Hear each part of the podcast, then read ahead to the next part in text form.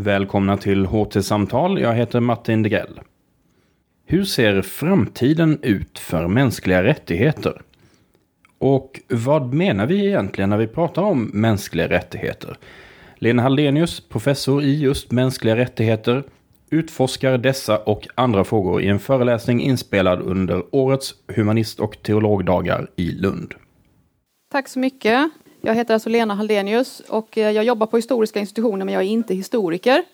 Jag är jurist och filosof. Och eh, den här avdelningen som jag då är föreståndare för den är ett exempel på när humanistisk forskning och undervisning blir flervetenskaplig. Titta, jag fick en slags trumvirvel på det. Ehm, så att eh, vi har ett kandidatprogram i mänskliga rättigheter och vi har Sveriges enda forskarutbildning i mänskliga rättigheter. Och för att ge någon liten bild av vad vi gör. Eh, så nästa doktorsavhandling som läggs fram på vår avdelning i september handlar om eh, dissidenter och rättighetsaktivism i samtida Turkiet. Och eh, andra avhandlingar som vi har på gång handlar om eh, feministiska aktivister i Kairo efter den arabiska våren. Vi har en avhandling om militärt våld i Thailand. Vi har en avhandling som på gång som handlar om hur svensk gymnasieskola hanterar sitt uppdrag att förmedla kunskap om de mänskliga rättigheterna. Vi har en avhandling som eh, handlar om eh, utvecklingen av minoritetsskyddet i Europa under 1900-talet med fokus på exemplet Åland. Så vi eh, håller på med allt möjligt.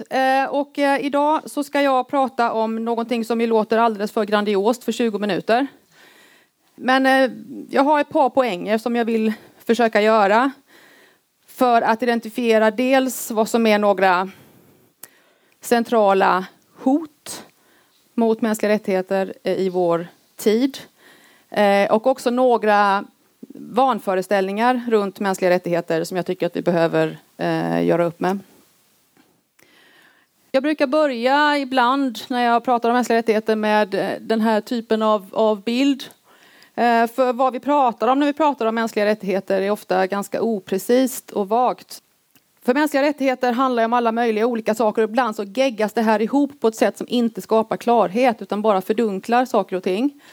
Eh, mänskliga rättigheter är ju ibland när vi pratar om mänskliga rättigheter så tänker vi oss ett stort system, folkrättsligt system av FN-konventioner och Europarådskonventioner och domar och, och förarbeten och, och eh, kommentarer och eh, lagar och så. Och det är det, det är allt det och det är ett jättestort komplext system som egentligen inte riktigt förtjänar namnet system eftersom det inte hänger ihop alltid så himla bra. Men i alla fall, ibland pratar vi om det när vi pratar om mänskliga rättigheter. Ibland när vi pratar om mänskliga rättigheter så pratar vi om någon slags allmänmänsklig etik.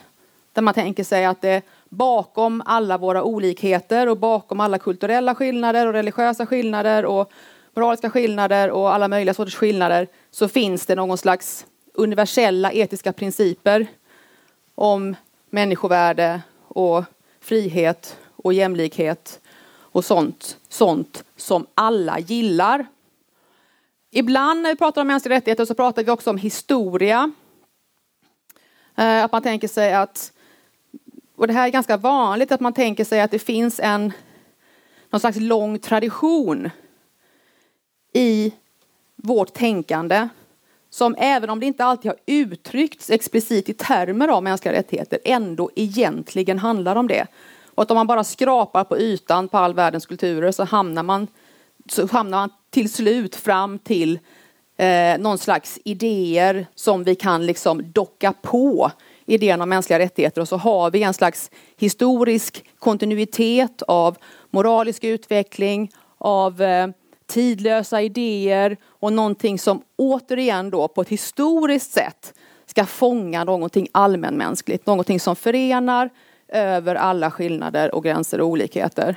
Så den här idén om att vi måste söka efter en historisk tradition av mänskliga rättigheter hänger intimt ihop med den här föreställningen om att mänskliga rättigheter egentligen handlar om en allmänmänsklig etik som är sånt som alla egentligen gillar om de bara tänker efter. Men ibland när vi pratar om mänskliga rättigheter så pratar vi ju egentligen inte om någonting av det här utan vi pratar om politik. eh, om, om demokrati och om välfärd och om den fria pressen och om eh, politiskt ansvarsutkrävande, om skydd mot våld, om skydd mot godtycklighet och sådana saker. Och alla de här olika aspekterna som ibland är i luften allihopa samtidigt när vi pratar om mänskliga rättigheter. De tänker man sig ibland ska förstärka varandra. Så att när man pratar om mänskliga rättigheter som politik, när man pratar om betydelsen av en fri press till exempel, så tänker man sig att den politiska diskussionen om det får liksom bränsle och får rättfärdigande och kraft och legitimitet om vi kan säga att argumenten för att det är viktigt med en fri press vilar på en mänskliga rättigheter som etik och att den kan på något sätt härledas tillbaka till mänskliga rättigheter som en historisk tradition. Förstår ni? Så man tänker liksom att det etiska och det historiska ska på något sätt finnas där som en slags eh, grund för politiken att stå på. Och om man tittar på hur de internationella rättsreglerna inom rättighetsområdet ser ut, om ni har tittat på en FN-konvention någon gång, så är det också slående att det finns väldigt mycket av sådana här hänvisningar till eh, ett etiskt och ett historiskt språk i dem. Vilket man kan tycka är lite ironiskt med tanke på att alla FN-konventioner och alla andra konventioner om mänskliga rättigheter är ju politiska förhandlingslösningar. Det är resultatet av förhandlingar som ägde rum mellan staters representanter vid ett visst tillfälle. FN-konventionerna innehåller helt enkelt det som man just då kunde komma överens om. Eh, men konventionerna omvärvs ofta av en ganska högstämd retorik med väldigt starka etiska och ibland också historiska inslag. Så man säger liksom att det som vi har kommit överens om i den här konventionen vilar på liksom allmänna föreställningar om människans frihet och allas lika värde och, och sådana saker. Så det finns väldigt mycket sånt här, eh, väldigt, mycket, väldigt stark föreställning om det. Att för att man ska kunna finna liksom legitimitet för FN-konventionerna, till exempel då, om mänskliga rättigheter, så måste vi på något sätt göra reda för att de vilar i, den, liksom, i en slags trygg etisk famn som är de här universella värdena. Respekt för, mäns för människovärdet, frihet, jämlikhet. Sånt som alla egentligen gillar. Och då kan man ju tycka att det här är väl bra. Men Eh, det finns ett problem med, med det här också som jag ska försöka identifiera. Och då ska jag, tänkte jag att, att jag skulle identifiera ett par stycken vanföreställningar om mänskliga rättigheter som är ganska vanliga och som, eh, och som jag möter ganska ofta. Och jag tycker att de är vanföreställningar. De som håller de här föreställningarna tycker inte att de är vanföreställningar utan att de är rätt såklart. Men jag ska försöka förklara varför jag tycker att de är vanföreställningar och varför jag tycker att de är viktiga att ha i åtanke när vi pratar om mänskliga rättigheters roll i framtiden, vilket ju var det som vi skulle göra idag.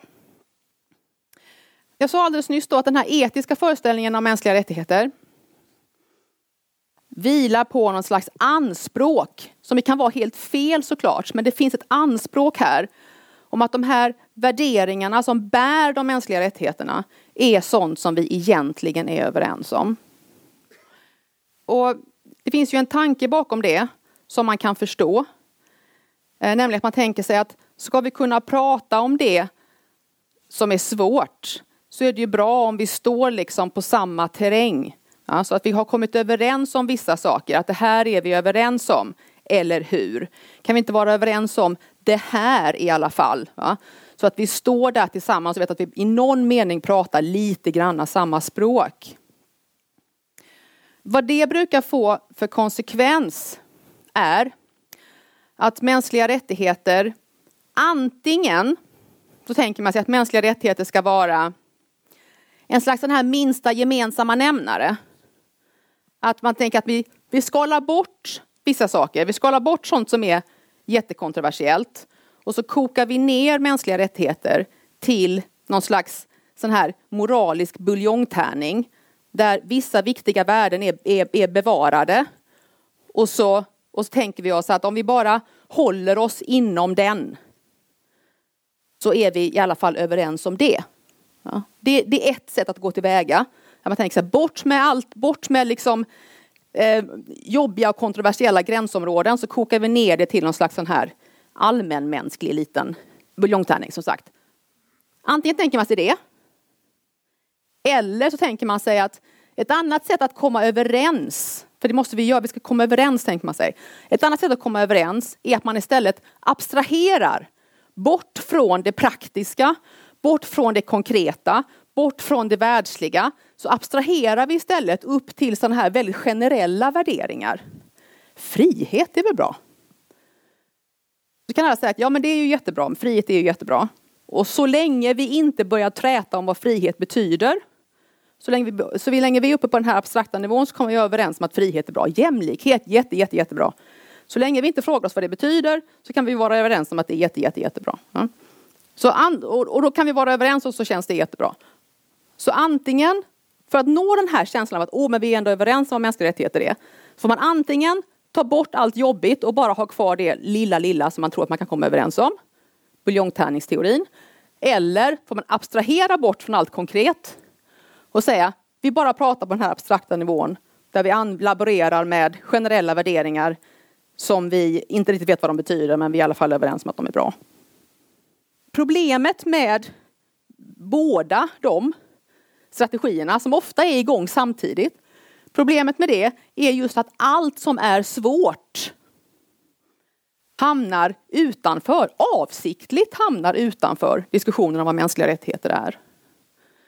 Så strävan efter att vi ska stå på samma terräng och vara överens så att vi i alla fall inte slåss om mänskliga rättigheter leder till just att allt det som är svårt ingår i det som vi måste sortera bort för att kunna upprätthålla den här föreställningen om att vi är överens i alla fall om det här. Mm. Och om mänskliga rättigheter ska ha en roll i framtiden så måste vi sluta med det.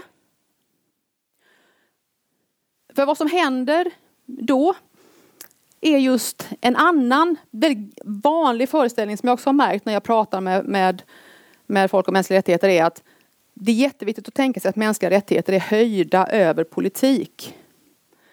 De är liksom lite för viktiga för det politiska käbblet. Så att de, ska liksom, de existerar lite grann i en slags egen liten sfär som är bortom det politiska kompromissandet, det ideologiska gaggandet och så. Att de står lite över det. Och det understöds också av det här ganska högstämda språket som ofta finns runt mänskliga rättigheter. Att det är lite för viktigt för vardagliga konflikter. Av det här då så är det just det här, det politiska, som, som det finns en viss beröringsskräck kring när det gäller mänskliga rättigheter. Just det här. Därför att man är så viktig vid att hålla fast vid den här universella etiken och den här eh, historiska traditionen. För det är på den som den här föreställningen om enighet vilar. Och då blir det liksom, då blir det här, kommer att talas om i andra termer. Om mänskliga rättigheter ska ha en poäng för vår framtid så måste den ju kunna ha någonting att bidra med till det som är de stora utmaningarna i vår tid. Vilka är då de? De är ju jättemånga såklart, men här är min topp tre. De centrala hoten mot mänskliga rättigheter i framtiden, vilket egentligen är typ nu då och framåt, är nationalism, fascinationen för starka män och ekonomisk ojämlikhet. Och de här hänger ihop eh, i alla fall, i alla fall delvis. Om vi tittar på utvecklingen i världen just nu är ganska, det är väldigt, väldigt spännande ur ett forskningsperspektiv. Men ur ett mer så här, mänskligt perspektiv är det ganska läskigt eh, just nu. Det, var en, eh, det har nyligen varit folkomröstning i Turkiet, det vet ni. Där eh, presidenten nu har fått mycket mer makt än tidigare i en folkomröstning. Det finns en utveckling i Ungern. Och det finns en utveckling i, eh, i Ryssland, det finns en utveckling i Polen och i Storbritannien som alla präglas av en växande nationalism där argumenten för vad som är en rimlig politisk agenda sätts ganska, ganska stabilt på en nationalistisk premiss. Vi ser samma sak i Frankrike och också i ökande utsträckning i USA. Nationalismen är ett väldigt förföriskt politiskt argument, vet vi, eftersom det kapitaliserar på rädslan för den som står utanför. Nationalism är per definition kan man säga en exkluderande eh, ideologi som inom sig bygger på en föreställning om att den som står utanför vår grupp är ett hot mot oss. Och om man bygger en slags känsla av samhörighet på en nationalistisk grund. Det är väldigt effektivt. Det är också väldigt farligt. Det är, sker i ökande utsträckning just nu. Det fungerar tyvärr. Och det är ett av de centrala hoten mot mänskliga rättigheter idag. Fascinationen för starka män går ihop med detta därför att nationalismen är en patriarkal eh, ideologi Eh, i grunden. Den fungerar väldigt väl tillsammans med Putin-aktiga figurer i spetsen. Eh, de nationalistiska rörelser som vi ser i vår omvärld idag eh, har nästan alltid med sig den här idén om att nationen inte bara är en exkluderande gemenskap baserad på oss mot dem, utan det är också en gemenskap som leds av en stark man. Ekonomisk ojämlikhet hänger också ihop med detta därför att föreställningen om att vi måste skydda oss mot någon annan är också mycket lättare att exploatera politiskt om det finns ett missnöje med sina ekonomiska omständigheter och ekonomiska möjligheter som man också kan exploatera politiskt. Det är också här en, så att det är alldeles uppenbart så att en av de mest entydiga utvecklingarna i världen idag är att även om fattigdomsnivåerna minskar lite grann så ökar den ekonomiska ojämlikheten hela tiden. Jag vet inte om ni har sett den här statistiken men det är alltså så nu att de åtta rikaste individerna i världen innehar lika mycket förmögenhet som den fattigaste halvan av hela världens befolkning. De åtta rikaste individerna i världen är alla män, starka män säkert. Och i den fattigaste eh, halvan av världens befolkning är en majoritet kvinnor. Eh, den här ekonomiska ojämlikheten ökar hela tiden. Och vad ekonomisk ojämlikhet när den blir tillräckligt stor gör är att den också skapar separata världar där människor lever i olika ekonomiska bubblor utan att betrakta sig som delar av samma samhälle. Den ekonomiska ojämlikheten är en fråga som rättighetsperspektivet har varit väldigt obenägen att ta tag i. För mänskliga rättigheter har man tänkt sig, det handlar om att var och en ska få det bättre. Var och en ska få bostad, var och en ska få utbildning, var och en ska få mat för dagen. Och så tittar man lite grann så här, en i taget på något sätt. va? Här har vi rättighetsinnehavarna, så var och en ska få det och det och det. Och sen att det finns människor runt omkring som är ofantligt rika. Det påverkar liksom inte bedömningen av det. Rättighetsperspektivet har varit väldigt dåligt på att ta tag i frågan om ekonomisk ojämlikhet. Därför att man har varit så fokuserad på att försöka åstadkomma anständiga miniminivåer för folk. Alltså att sänka fattigdomen, att minska fattigdomen. Men skillnaden mellan rik, fattig och rik, det har inte ansetts vara en fråga för mänskliga rättigheter, utan det är bara de här grundnivåerna som är en rättighetsfråga. Det stora gapet mellan fattig och rik är inte en rättighetsfråga, har man vanligen tänkt sig. Allt är gott på rättighetsområdet så länge alla har nått upp till samma miniminivå, oavsett hur stora skillnaderna därutöver är.